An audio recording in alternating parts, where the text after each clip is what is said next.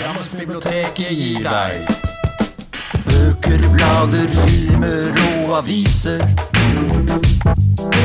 Bilder, data, spill, musikk og nett. Myldring, lesing, leking og læring. Utstilling, turnering og kultur.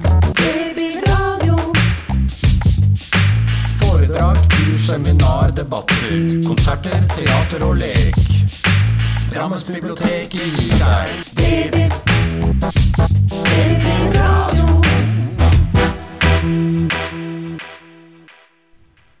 Da sier jeg hjertelig velkommen til denne Drammen bibliotek sin podkastserie, og det er påskespesial. Eh, merker allerede at jeg har gått på en liten smell. For en påskespesial så burde jeg vel nesten hatt i hvert fall Kvikk Lunsjen eller påskeegg liggende klart. Det har jeg ikke. Eh, Jeg føler meg snytt. Ja, men jeg har i skapet mitt. Ja, det er nesten så vi skulle sendt en av gårde her. Uansett så har Mari og Lena i hvert fall kaffekoppen klar, så da er vi i hvert fall klare for å snakke om påske. Eh, og vi skal selvfølgelig snakke om påskekrim i denne podkasten, så det er bare å følge godt med. Da har jeg presentert Mari og Lena. Velkommen til dere. Mitt navn, mitt navn det er Raymond, og eh, før vi begynner med påske, så tar vi denne sedvanlige spalten vår. da. Har det skjedd noe spennende i livet vårt siden sist? Ja, det skjer jo stadig vekk eh, forskjellige ting. Ja, det og det er jo mye spennende man kan være med på. Eh, Det som kanskje var mest spesielt som jeg har vært med på nå tidligere i mars, det var altså en kortfilmvisning av en ny reise. Eh, Det er en, film som er, en kortfilm som er laget over et dikt av Nils Ytri. Og det var Ja. Jeg vil jo si at det var litt depressivt, kanskje. For jeg tror det var filma på et gammelt asyl på Vestlandet. eller sånt, sånn at eh, omgivelsene var jo deretter med gamle behandlingsbenker og murpuss og vannpytter på gulvet og liksom sånn, nesten sånn skrekkfilm. Så det tenderer jo nesten til å kunne gått inn i en sånn, eh, sånn film. Eh, Eller en krimbok. Eh, Men, eh, men det, var, det var en veldig annerledes opplevelse. Eh, og så var det jo eh, regissøren, han leste av noen av diktene til Nils Ytterli eh, i tillegg til denne filmen. Og så var det minikonsert med Hans Magnus Ryan fra Motorpsycho. Så det var jo en helt annerledes opplevelse. Det var på Vega scene i Oslo. Men jeg er veldig glad at jeg var der, for det er sånne opplevelser som man bare må ta med seg. ikke sant, som, som, som gjør et eller annet med deg, men jeg vet ikke helt hva. men det er i hvert fall veldig morsomt å ha vært der. da, så her ser du et bilde av den der ene behandlingsbenken. og sånn, det ser skikkelig råttent forfallen er omgivelser. Men, der. Ja, ja. Ah, ja, det ser ut som en skrekkfilm. ja. men eh, det, var, det var ikke det, da. Nei. Så det anbefales til en eller annen filmregissør der ute, eller manusforfatter. Grip fatt i dette. Ja, ikke sant. Det er i hvert fall mange muligheter. Da. og Det er jo mange dikt som er gjort mye med, men eh, dette her var mer spesielt enn noe jeg kanskje har sett før. Jeg har ikke vært på noe så spesielt. Eh, Jeg har tatt meg en tur til Øvre Eiker bibliotek eh, siden sist, da. Eh, Og kost meg der. De har fått bygd en stor, flott ny scene. Det er jo ikke så I fjor sommer så hadde de en åpning av en ny barneavdeling, så det skjer mye spennende på Øvre Eiker bibliotek. Men nå hadde de jo trylleshow. Med mm, Knut Harald Sommerfelt. Så det, Så det er er det vært så må jeg jo dra. Jeg har jo selvfølgelig noen barn i 8-9-årsalderen, så det var bare sånn yes. Ja, og vi det. Og så prøvde jeg til og med å møte opp litt tidlig, eh, men trylleshow i Hokksund, det er tydeligvis populært. Det var stappa fullt eh, foran av scenen. Det var jo nesten så vi voksne ikke fikk sett. Det hadde vært helt krise, Da spør ble du du meg. lei deg, da. Oh. Ja, Så du liker trylleshow? Jeg syns trylleshow er helt fremragende. Det Han er så trener hjemme, ikke sant. Så eh, det er det neste arrangementet vårt. Jeg blir bare irritert, jeg. Og så, så sitter jeg sånn ah, Jeg veit åssen han gjør det. Jeg vet han gjør det. Og det, det gjorde jeg selvfølgelig på flere av try- trylletriksene hans, men eh, selv om jeg satt sto der og tenkte ah, jeg veit åssen han gjør det, og så nei. Oi, åssen gjorde han det? Og da blir du ikke irritert. Ja, det For det er da jeg blir sånn Ja, men jeg skal jo, må jo vite! Kanskje du skal låne bok om trylling, Herman. ja. Jeg hadde det som barn. Yeah. Ja. Storkoste meg med det. Jeg husker bare ett trylletriks eh, siden en gang, og det har eh, noen i slekta mi fanga opp. Så hver gang jeg har noen slektstreff eller sånt, så må jeg dra fram det trylletrikset med noen terninger. Og nå vet vi det òg. Ja. Så da vet vi hva du skal Så når du kommer med terninger, så er det i hvert fall triks. Ja. Ja, det, var eh, kjempegøy. Liten pekefinger til dere som har med dere barn på show. Ta en liten prat med barna først, vær så snill, og si at eh, selv om andre barn løper opp på scenen, så trenger ikke dere å løpe opp på scenen. Eh, bare sånn, da har vi en liten pekefinger på, på det. Eh, Det det, er men det var poeng. eh, morsomt. Det var eh, morsomt å reise til Hokksund og se så mye mennesker på en eh, barneforestilling. På et uh, ny, flott, stor scene. Og han spiller jo musikk og alt mulig, selv om noen unge klarte å skrike ut 'Å, kjedelig!'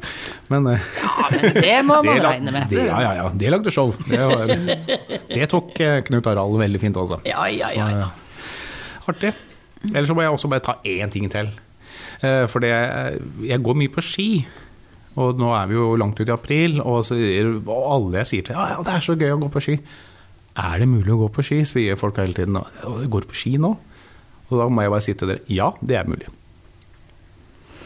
Jeg skal ikke gå på ski i påsken, jeg skal ha Kvikk Lunsj i solveggen.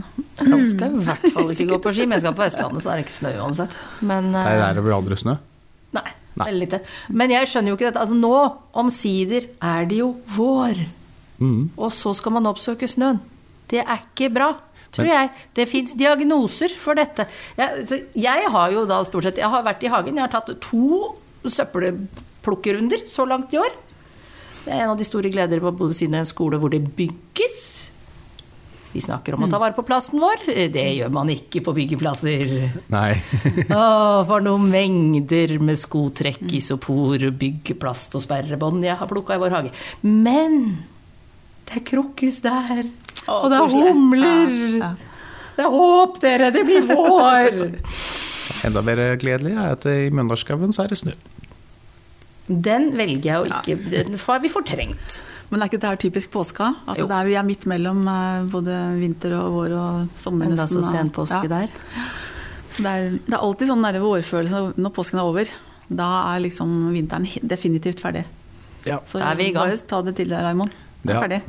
Det som er så kjedelig for min del, er at påske er ikke eh, ski. Eh, fordi at for meg de siste 20 årene nesten, eh, så har det bestått av eh, Oslos eh, mørke gater.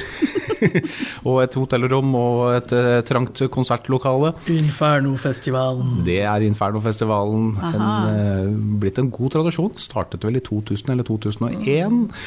Var vel 2000, ja, mm. som en liten eh, fillefestival. Nå er det en gedigen internasjonal festival hvor eh, 60% av billettene blir solgt til utlandet. Det er litt uh, gøy. Det er kult. Ja. Det er heftig. Så det er veldig sånn Mørk internasjonal affære er å være med på. stor Ja, ja. eksportartikkel i Norge, så vi ja. bare snakker aldri om det. Ja. Det er så stilig. Det er bra fra Draimond. Men det er veldig bra å snakke mye om kultur. Ja, det er det. Uansett. eh, Jeg var på en eh, Ja, det var vel en kulturdebatt for et par uker siden eh, her i byen på Record Bar. Eh, Og bare det at det på en måte begynner å dukke opp arrangementer som setter kultur på agendaen. Eh, For det, det gjennomsyrer jo det meste av samfunnslivet, ikke sant? bortsett fra at det er ikke noe stor bevissthet rundt det. Mm. Så fortsett, fortsett. Jeg gleder meg stort til årets Infernofestival. Det er et par ganske store band òg. Og et av Norges største eksportvarer, Dimmy Borger selvfølgelig, som eh, et av de største trekkplasterne. Selv om jeg må dessverre si at eh, det er jo svenskene som kommer med de beste banda, da. Vikingarna. Ja, det var akkurat det jeg tenkte på, Lena. Det var akkurat vikingerne jeg tenkte på. Vi, vi har alle hver vår musikk. Der viste Lena sin sjangerkompetanse. Ja, jeg skal hente meg, jeg skal komme sterkere tilbake. Ja.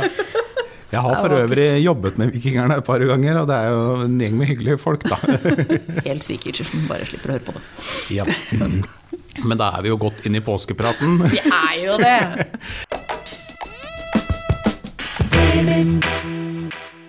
Eh, Jeg har et sånt lite spørsmål før vi setter i gang med bøker om, i påske. Påskekrim heter det jo.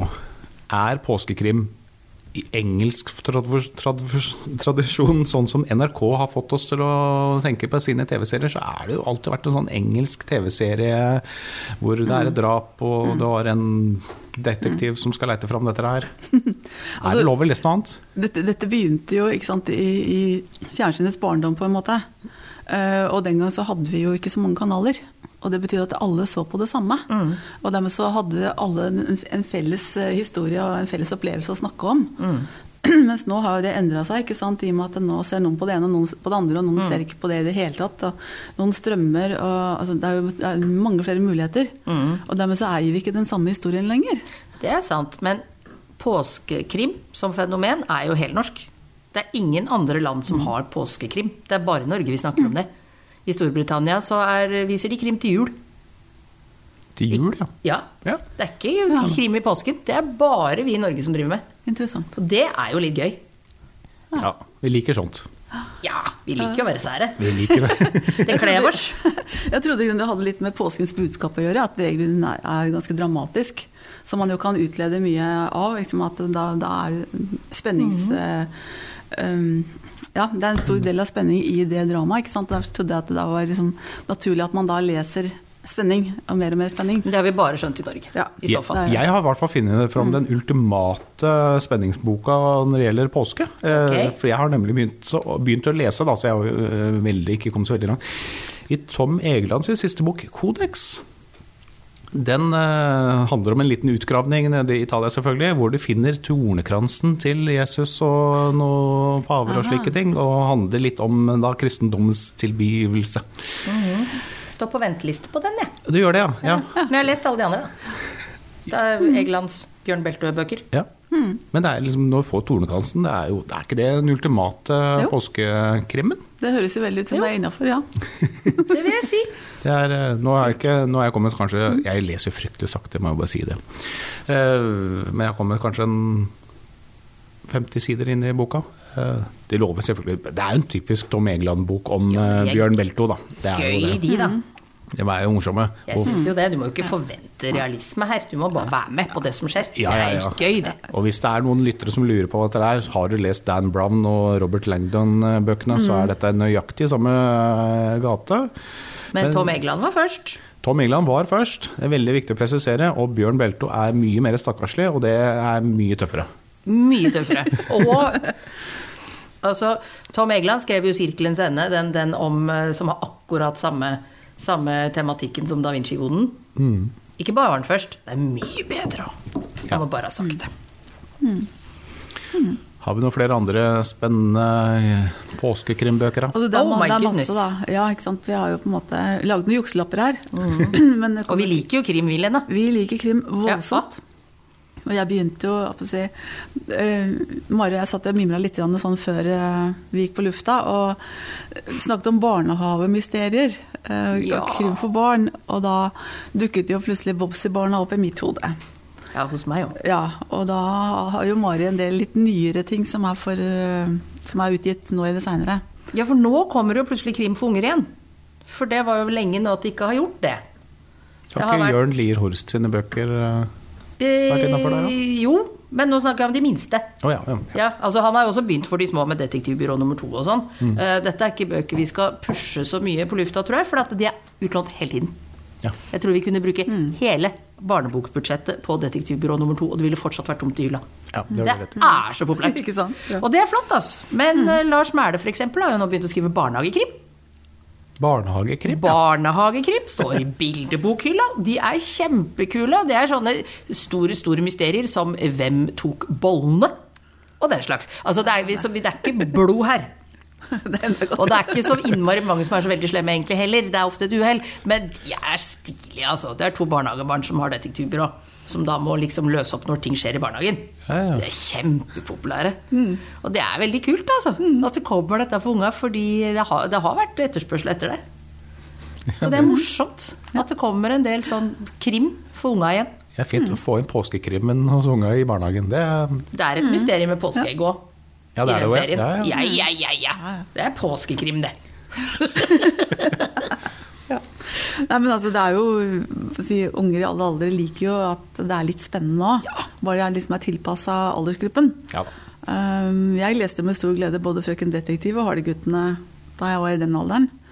Uh, men det, det store krimfascinasjonen min dukket jo opp da jeg skulle lære engelsk. For det var da jeg kjøpte Agatha Christie på engelsk.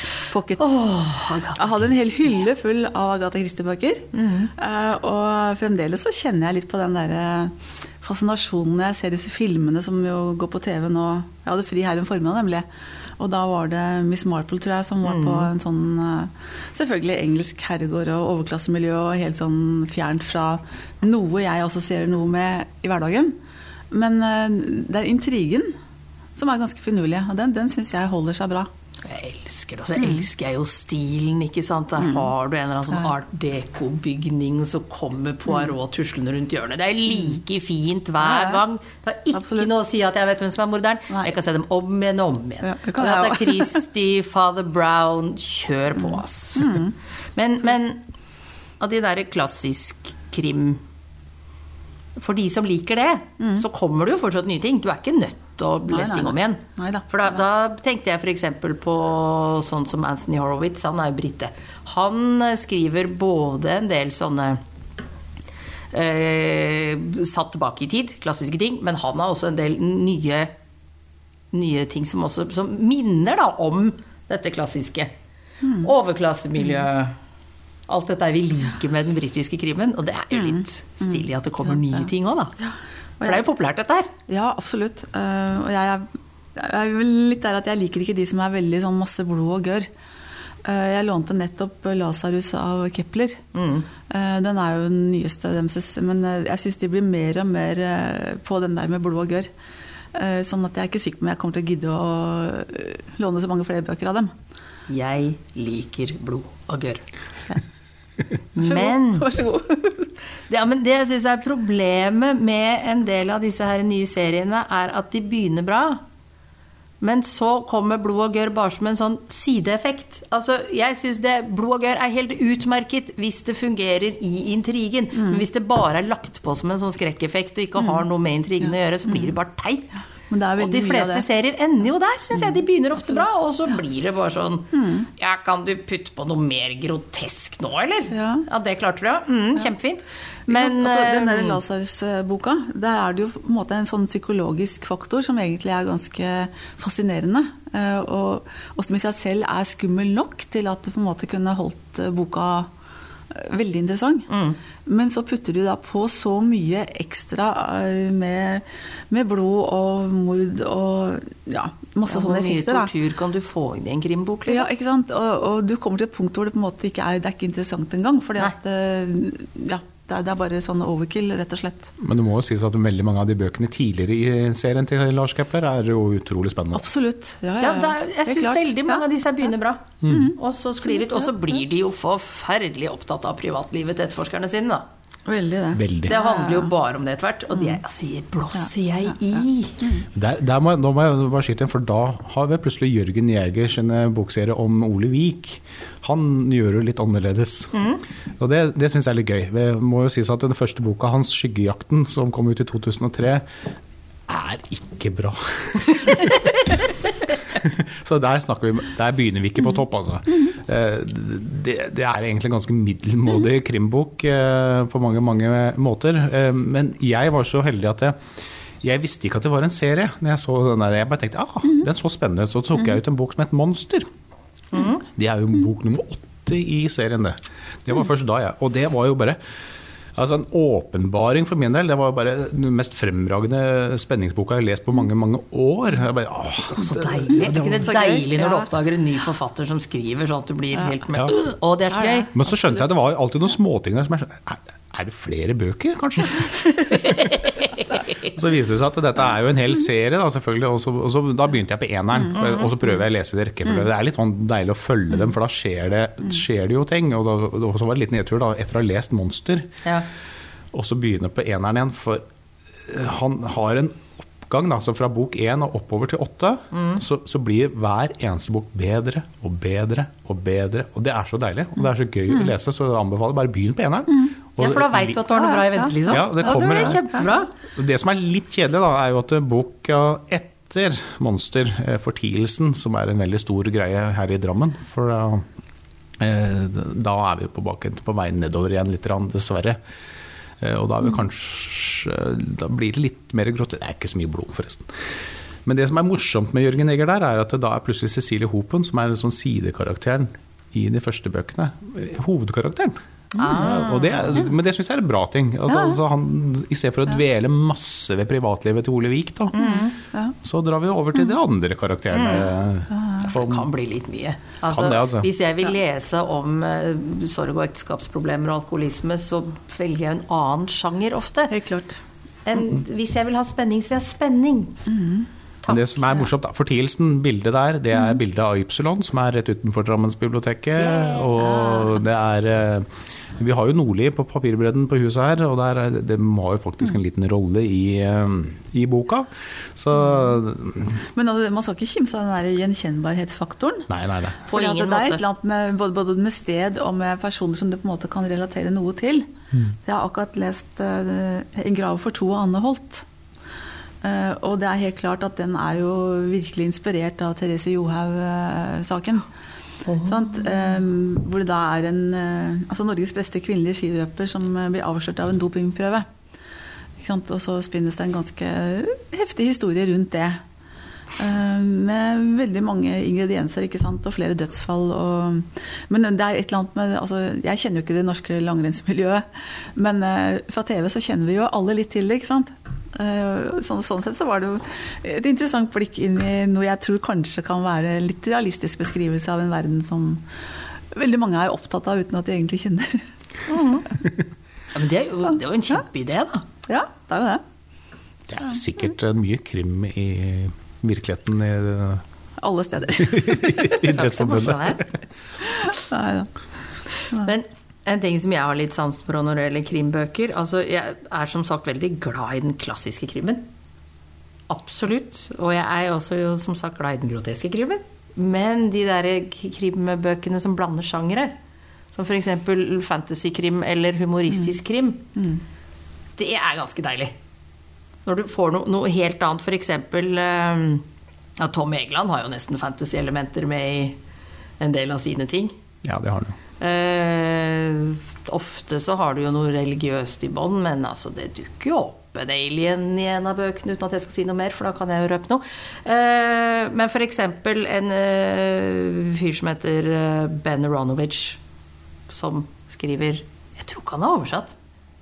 Nei, det tror jeg ikke. Men 'Rivers of London' heter bøkene hans. Altså, du kan tenke deg at hvis Harry Potter ikke hadde havna på noen trollmannsskole, men han hadde evnene sine, og så ble han eh, politi. Ja. Og havner i spesialetterforskningsdelen eh, for eh, overnaturlige ting. Da er vi nesten der. For det er ikke grenser for hva som faktisk fins i London, altså. Vi drar jo veldig langt sånn X-Files-faktor, bare med magiske evner. Eh, ja, det er ikke så mye aliens og sånn der, det er det ikke. Men det er eh, Ja, i første Rivers of London blir vi jo kjent med alle elvene i London. Veldig mange elver i London er jo lagt i rør og går under, men de er der. Du bare vet ikke at de er der lenger.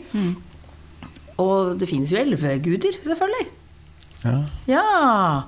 Og de har jo en tendens til å dukke opp og ta menneskelig form og lage litt bråk innimellom.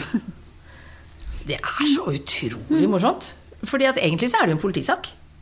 Så blander vi inn alt dette her andre. Jeg syns det er litt deilig. ass. Det er litt så forfriskende. Ja, jeg liker best sånn vanlig, vanlig grei krim, jeg. Jeg prøvde meg på sånn der sjangerblanding. eh, Knut Nærum sin eh, 'Døde menn går ikke på ski'. Ja, det er mer sånn ja. krimsatire. Det var krimsatire, ja. Så til de grader. Og det var også dratt veldig ut fra den tradisjonelle fortellingen. Eh, Men jeg vet ikke om jeg syns Det var ikke den beste boka jeg leste. Det er ikke helt min sjanger heller. Nei, når jeg tenker på sånn humorkrim, så tenker jeg mer på sånn eh, Carl Hiassen, f.eks. Jeg vet ikke om dere har lest noe av han. Han legger jo veldig mye av eh, sine krimintriger til Sumpen i Florida. Og har altså et persongalleri som er bare helt fantastisk. Det var jo en ekspolitiker som ikke orka mer, så han har bare flytta ut i Sumpen og lever liksom av roadkill. Stort sett. Og det handler veldig ofte om miljø, da. ikke sant? At uh, Folk som slipper ut ting i sumpen de ikke skal, og er personen der, er jo helt hakke gærne. Og det er, det er jo så morsomt! Å bli spist av alligatorer og herjer på, og så sitter du der og humrer. Det er ganske fint. Og det er jo det som er det absurde med krim. ikke sant? At det, det, men jeg, tenkte at det er kanskje det er fordi at det er såpass fjernt fra vår hverdag, egentlig. At vi på en måte kan bare sette oss ned og, og glemme verden rundt og, og grave oss ned i en sånn bok. For Hadde det vært eh, en del av vår hverdag, så hadde vi aldri i verden satt oss ned og tenkt vi slapper av med en krimbok. Du slapper jo ikke det? av med Nei, da, vi gjør ikke krimbok hvis, Sitter litt om en mann som blir drept hvis faren din ble Du gjør jo ikke det, selvfølgelig, men det er jo Nei. derfor vi Ja. Men jeg leste jo noe om det, at, at en sånn teori om at vi leser så mye krim fordi det er en måte å takle redsel på. å ja. Ja. Både at vi leser krim altså, og, og skrekk, da, for så vidt. For da, da kan vi kjenne på de følelsene i trygge omgivelser. Og vite at det gjelder egentlig ikke oss. Men så får vi kjent litt på det, og så får vi bearbeida det. Og krimmen ligger jo ofte den, den har jo ofte et eller annet sånn samfunnstema i bånn. Den tar jo gjerne for seg ja, et eller annet samfunnsproblem. Altså, det skjer jo alltid i en sammenheng. Ja. Altså, I en virkelighetssammenheng. Ikke sant? Det kan handle om eh, narkotika, det kan handle om menneskehandel, det kan handle om Og det kan være ting vi er litt redd for. Og så får vi kjent litt på det mens vi sitter i godstolen vår og har en kopp med noe godt ved siden av. Og så blir det ikke så farlig likevel. Og det kan jo godt være. ja. De skulle jo tenkt på det når de lagde Haisommer. Jeg ble ikke noe mindre redd for haia haisommer, egentlig. Kjenner. Nei, det, det, det, det gjorde jo at nesten alle badestrender rundt omkring i verden slet jo økonomisk i flere år etter at filmen var kommet. Men, men samtidig, ikke sant, så er den er laget i en tid, og vi blir veldig blaserte. Ja. Eh, jeg husker jo da de første Dracula-filmene kom. Det var jo grusomt spennende ikke sant? med han som kom inn med disse her ekle hjørnetenna inn til denne blonde, pene damen inn på hennes loftsværelse ikke sant? og satte tenna i halsen på henne. Det var grusomt spennende. Men altså, det er jo bare egentlig... Vi sitter jo og ler nå. Ja. Jo, men altså, du kan si om haisommer jeg, jeg tenker jo nå at nå kan jeg se at dette er plast. Nå kan jeg se tannhjula i kjeven på haien, tenker jeg. Men jeg blir redd likevel. Den har nå, den, altså. Da har de gjort noe bra. Ikke Ja, sant? absolutt. Ja, men Så det skulle være noe utendørsvisning av den i sommer? På Det skal Hvor var det? kino på Torvet Jo, men Var, var det på. Tjuvholmen eller noe? Jeg tenkte Du kan ikke sitte i nærheten av vann og se den! Jo, jo, du skal ligge i vannet, oppå en eh, bade... Glem det! For det var jeg tenker på ultimat, når du hører du, Det finnes jo hai i Oslofjorden, da, men ikke akkurat kanskje av de største. Så veldig mange av dem. Ah! Nei, haien i Norge er jo ikke farlig. Nei, det er, det er ikke på det nivået som haisommer. Nei. nei. Selv om piggon kanskje kan være litt farlig hvis du tråkker på den. Til gjengjeld så har vi monsterflått. Bare vent, så kommer det snart forsida av veggen. Ja. Ja, Snart ja, sesong hvert nå. år. Hvert år. det er skummelt nok i seg sjøl. Men jeg tenkte, når jeg har eh, hatt et eh, skal ikke si hyggelig gjensyn, men i hvert fall eh, Jeg har lest Millennium-serien om igjen. Har du det? Stig? Larsson. eh, 'Menn som hater kvinner' og 'Jenta som litt milden'. Og, ja. Eh, og den finnes jo både på lydbok og som film, ikke sant? Eh, og det er veldig interessant å se hvor forskjellig altså, Lydbok og bok er jo det samme. Men når det er filmatisert, så blir det på en måte en litt annen historie likevel. Eh, Så jeg tenker bare at De som skal på påskeferie og ha med seg et eller annet, de kan jo da velge liksom hva som passer i forhold til om de skal kjøre langt med bil, eller om de skal sitte foran TV-en, eller hva de egentlig har lyst til å gjøre. Um, så, det, så det er jo veldig, veldig god ting. Vi har veldig mange bøker som er filmatisert, faktisk. Voldsomt mye, og særlig den sjangeren her. Ikke sant? Sånn at, eh, og de er jo kategorisert på spenning oppe på i hylla vår i tredje etasje. Sånn at um, mm alle, er alle DVD-ene der, påskekrimen. ja. Ikke sant? Ja. Men det er god mulighet på TV òg, så for all del. Nå minnet du meg på at eh, Pet Cemetery har kommet. Stephen King. Den skal jeg ikke se. Jeg skal ikke se den, nei. Eh, han, er, han går litt mellom grøsser og krim. Sånn, eh, han er litt utydelig der i sjangeren. Ja, spørs på boka. Ja, spørs men på boka, altså, ikke sant? jeg elsker Stephen Kings bøker. Jeg tror snart jeg har lest alt, for jeg kom litt seint i gang, for å si det pent. For det er ikke så mange år siden jeg begynte. Men uh, Og i år så kommer toeren av It. jeg har ikke noe å si. Jeg skal ikke se det på film. Er jo igjen ødeleggende for klovne... Ja, ja, ja. Klokken er fælt. Men vi, jeg og uh, min kjære ektemann, vi hørte Pet Cemetery på lydbok uh, på vei over fjellet fra Vestlandet, en, antagelig en påske. Og altså, jeg har noen sånne bilder i hodet mitt. Her sitter jeg i bilen, kikker ut i mørk skog og hører om den der dyrekirkegården. Vet du, altså, jeg klarte jo nesten ikke å sitte i bilen, da, så det var sånn, men ikke slipp meg ut heller, for at, der kommer det noe å ta meg! Fytte rakkeren, den er fæl! Ja, den er jo det. Ah, men den er jo så bra! Det er Men den er så fæl! Ah. Nei, den skal jeg ikke lese her. Og så er det jo Den er ikke for deg, Lena. Det. sånn spennende, spennende tematikk rundt døden, da. Veldig. Altså, men det er jo noe med Stephen King at det er mye filosofi bak her. Det er ikke grøss bare for grøssens skyld. Igjen. Nei, men han, han går litt for mye på grøss for meg. Jeg liker bedre ren spenning, eller sånn ren noen krim. eh. Det, er, det som jeg digger med Stephen King, er at det, det begynner som en historie, men det avslutter nesten alltid som en annen. Det har du Det er- helt rett i. Det er mange historier som starter som en tradisjonell altså det, The Stand, f.eks., som starter som en tradisjonell katastrofefilm med et virus som slippes løs. Men eh, ja, siste delen av den der, det er, det er ganske overnaturlige greier. Den handler om noe helt annet. Det har du helt rett i. Så, men, Det har jeg ikke tenkt på. Så det er, Stephen King er sånn sett spennende, syns jeg. Den, Ja. eh, Liker det, ass. Men, men eh, når vi er inne på sånn der eh, overnaturlig og den type spenning eh, Vi skal ikke si det er overnaturlig nødvendigvis, men har dere lest eh, hun islandske Yrsa Sigurdadottir? Det er spenning som kryper nedover ryggen på deg, altså. Men der ligger ofte den løsninga at det kan være overnaturlig, men du får en logisk forklaring også. Og så kan du velge litt hva du velger å tro på. Men de er gufne, altså. Veldig, veldig bra. Og så er det litt kult med at det er fra Island. Fordi det blir jo et helt annet miljø. Og det er så smått. ja. Ikke sant? Det er så få mennesker, det er så små forhold egentlig, og så får du naturen i tillegg. Det er mye ute og Men det, det syns jeg er veldig fascinerende med å lese forskjellige forfattere. fordi at eh, de skriver jo inn i et lokalsamfunn. Mm. Jf. Ein Cleaves, ikke sant, som skriver fra Shetland. Så har du også oh, ja, den de, derre- ja. ja, det har det vært fint. filmatisert. Ja, jeg vil eh, til Shetland. Ja, mm. ja, det er fascinerende. Jeg har vært der en gang, og det var eh, veldig Ja, er annerledes landskap, ikke sant, men Mm. veldig fascinerende. Så flott. Anbefales. Absolutt.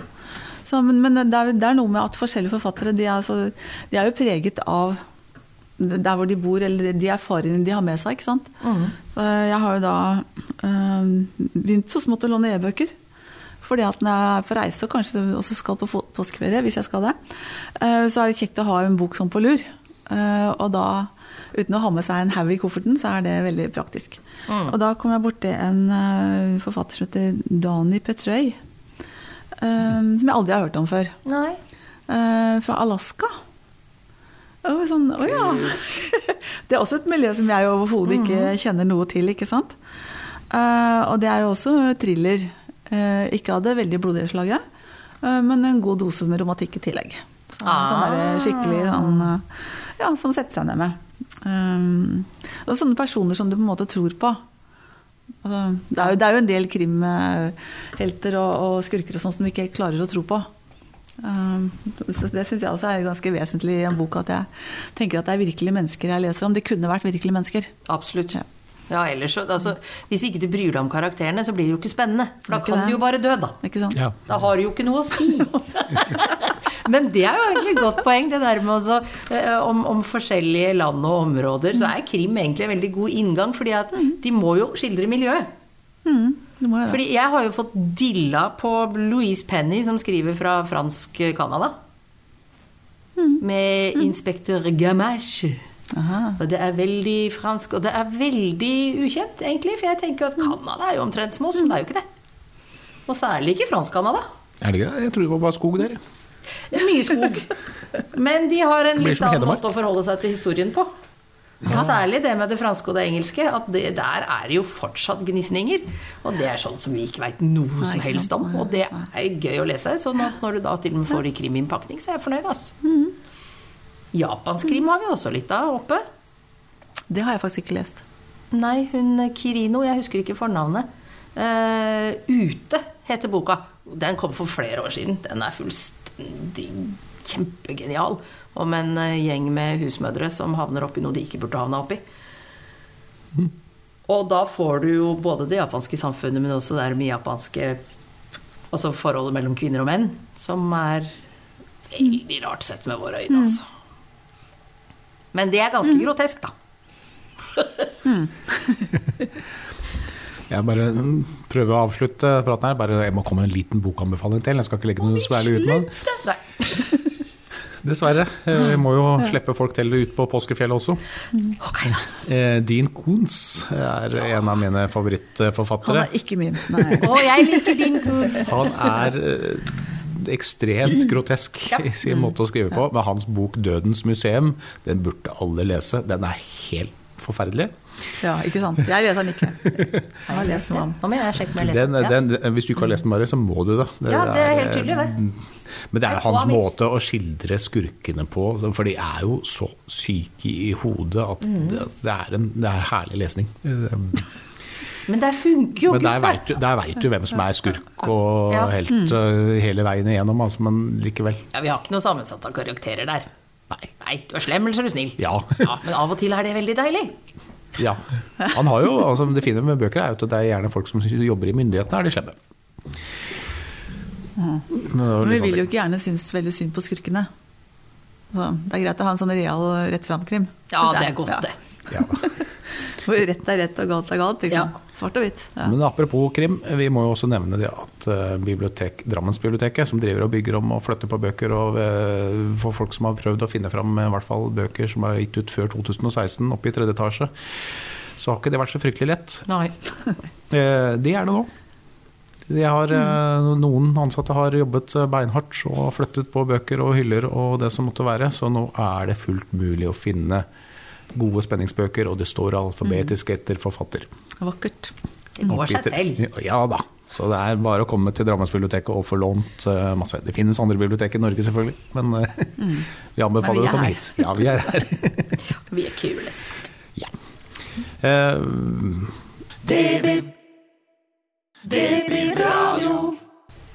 da er vi over på siste spalte. Skjer det noe spennende framover på biblioteket? Lena? Eh, ja, 29. april så skal det være et arrangement her som handler om eh, bevaring eller riving av eh, verneverdige bygg i Drammen. Det kan jo bli ganske interessant. Mhm. Så det er biblioteket i samarbeid med Miljøpartiet De Grønne, og det blir jeg får si to solide innledere. Og så blir det en uh, samtale-debatt mellom Ulf Erik Knutsen fra Fremskrittspartiet og Ståle Sørensen fra Miljøpartiet. Det kan bli livlig. Det kan bli interessant. Ja, så da er jo bare å sette av kvelden. Det er en mandag. Så, 29. april. Bra.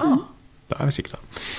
Da sier Mari og Lena og Raymond takk for seg, og så høres man jo selvfølgelig på neste podkast om to uker. God påske! God påske!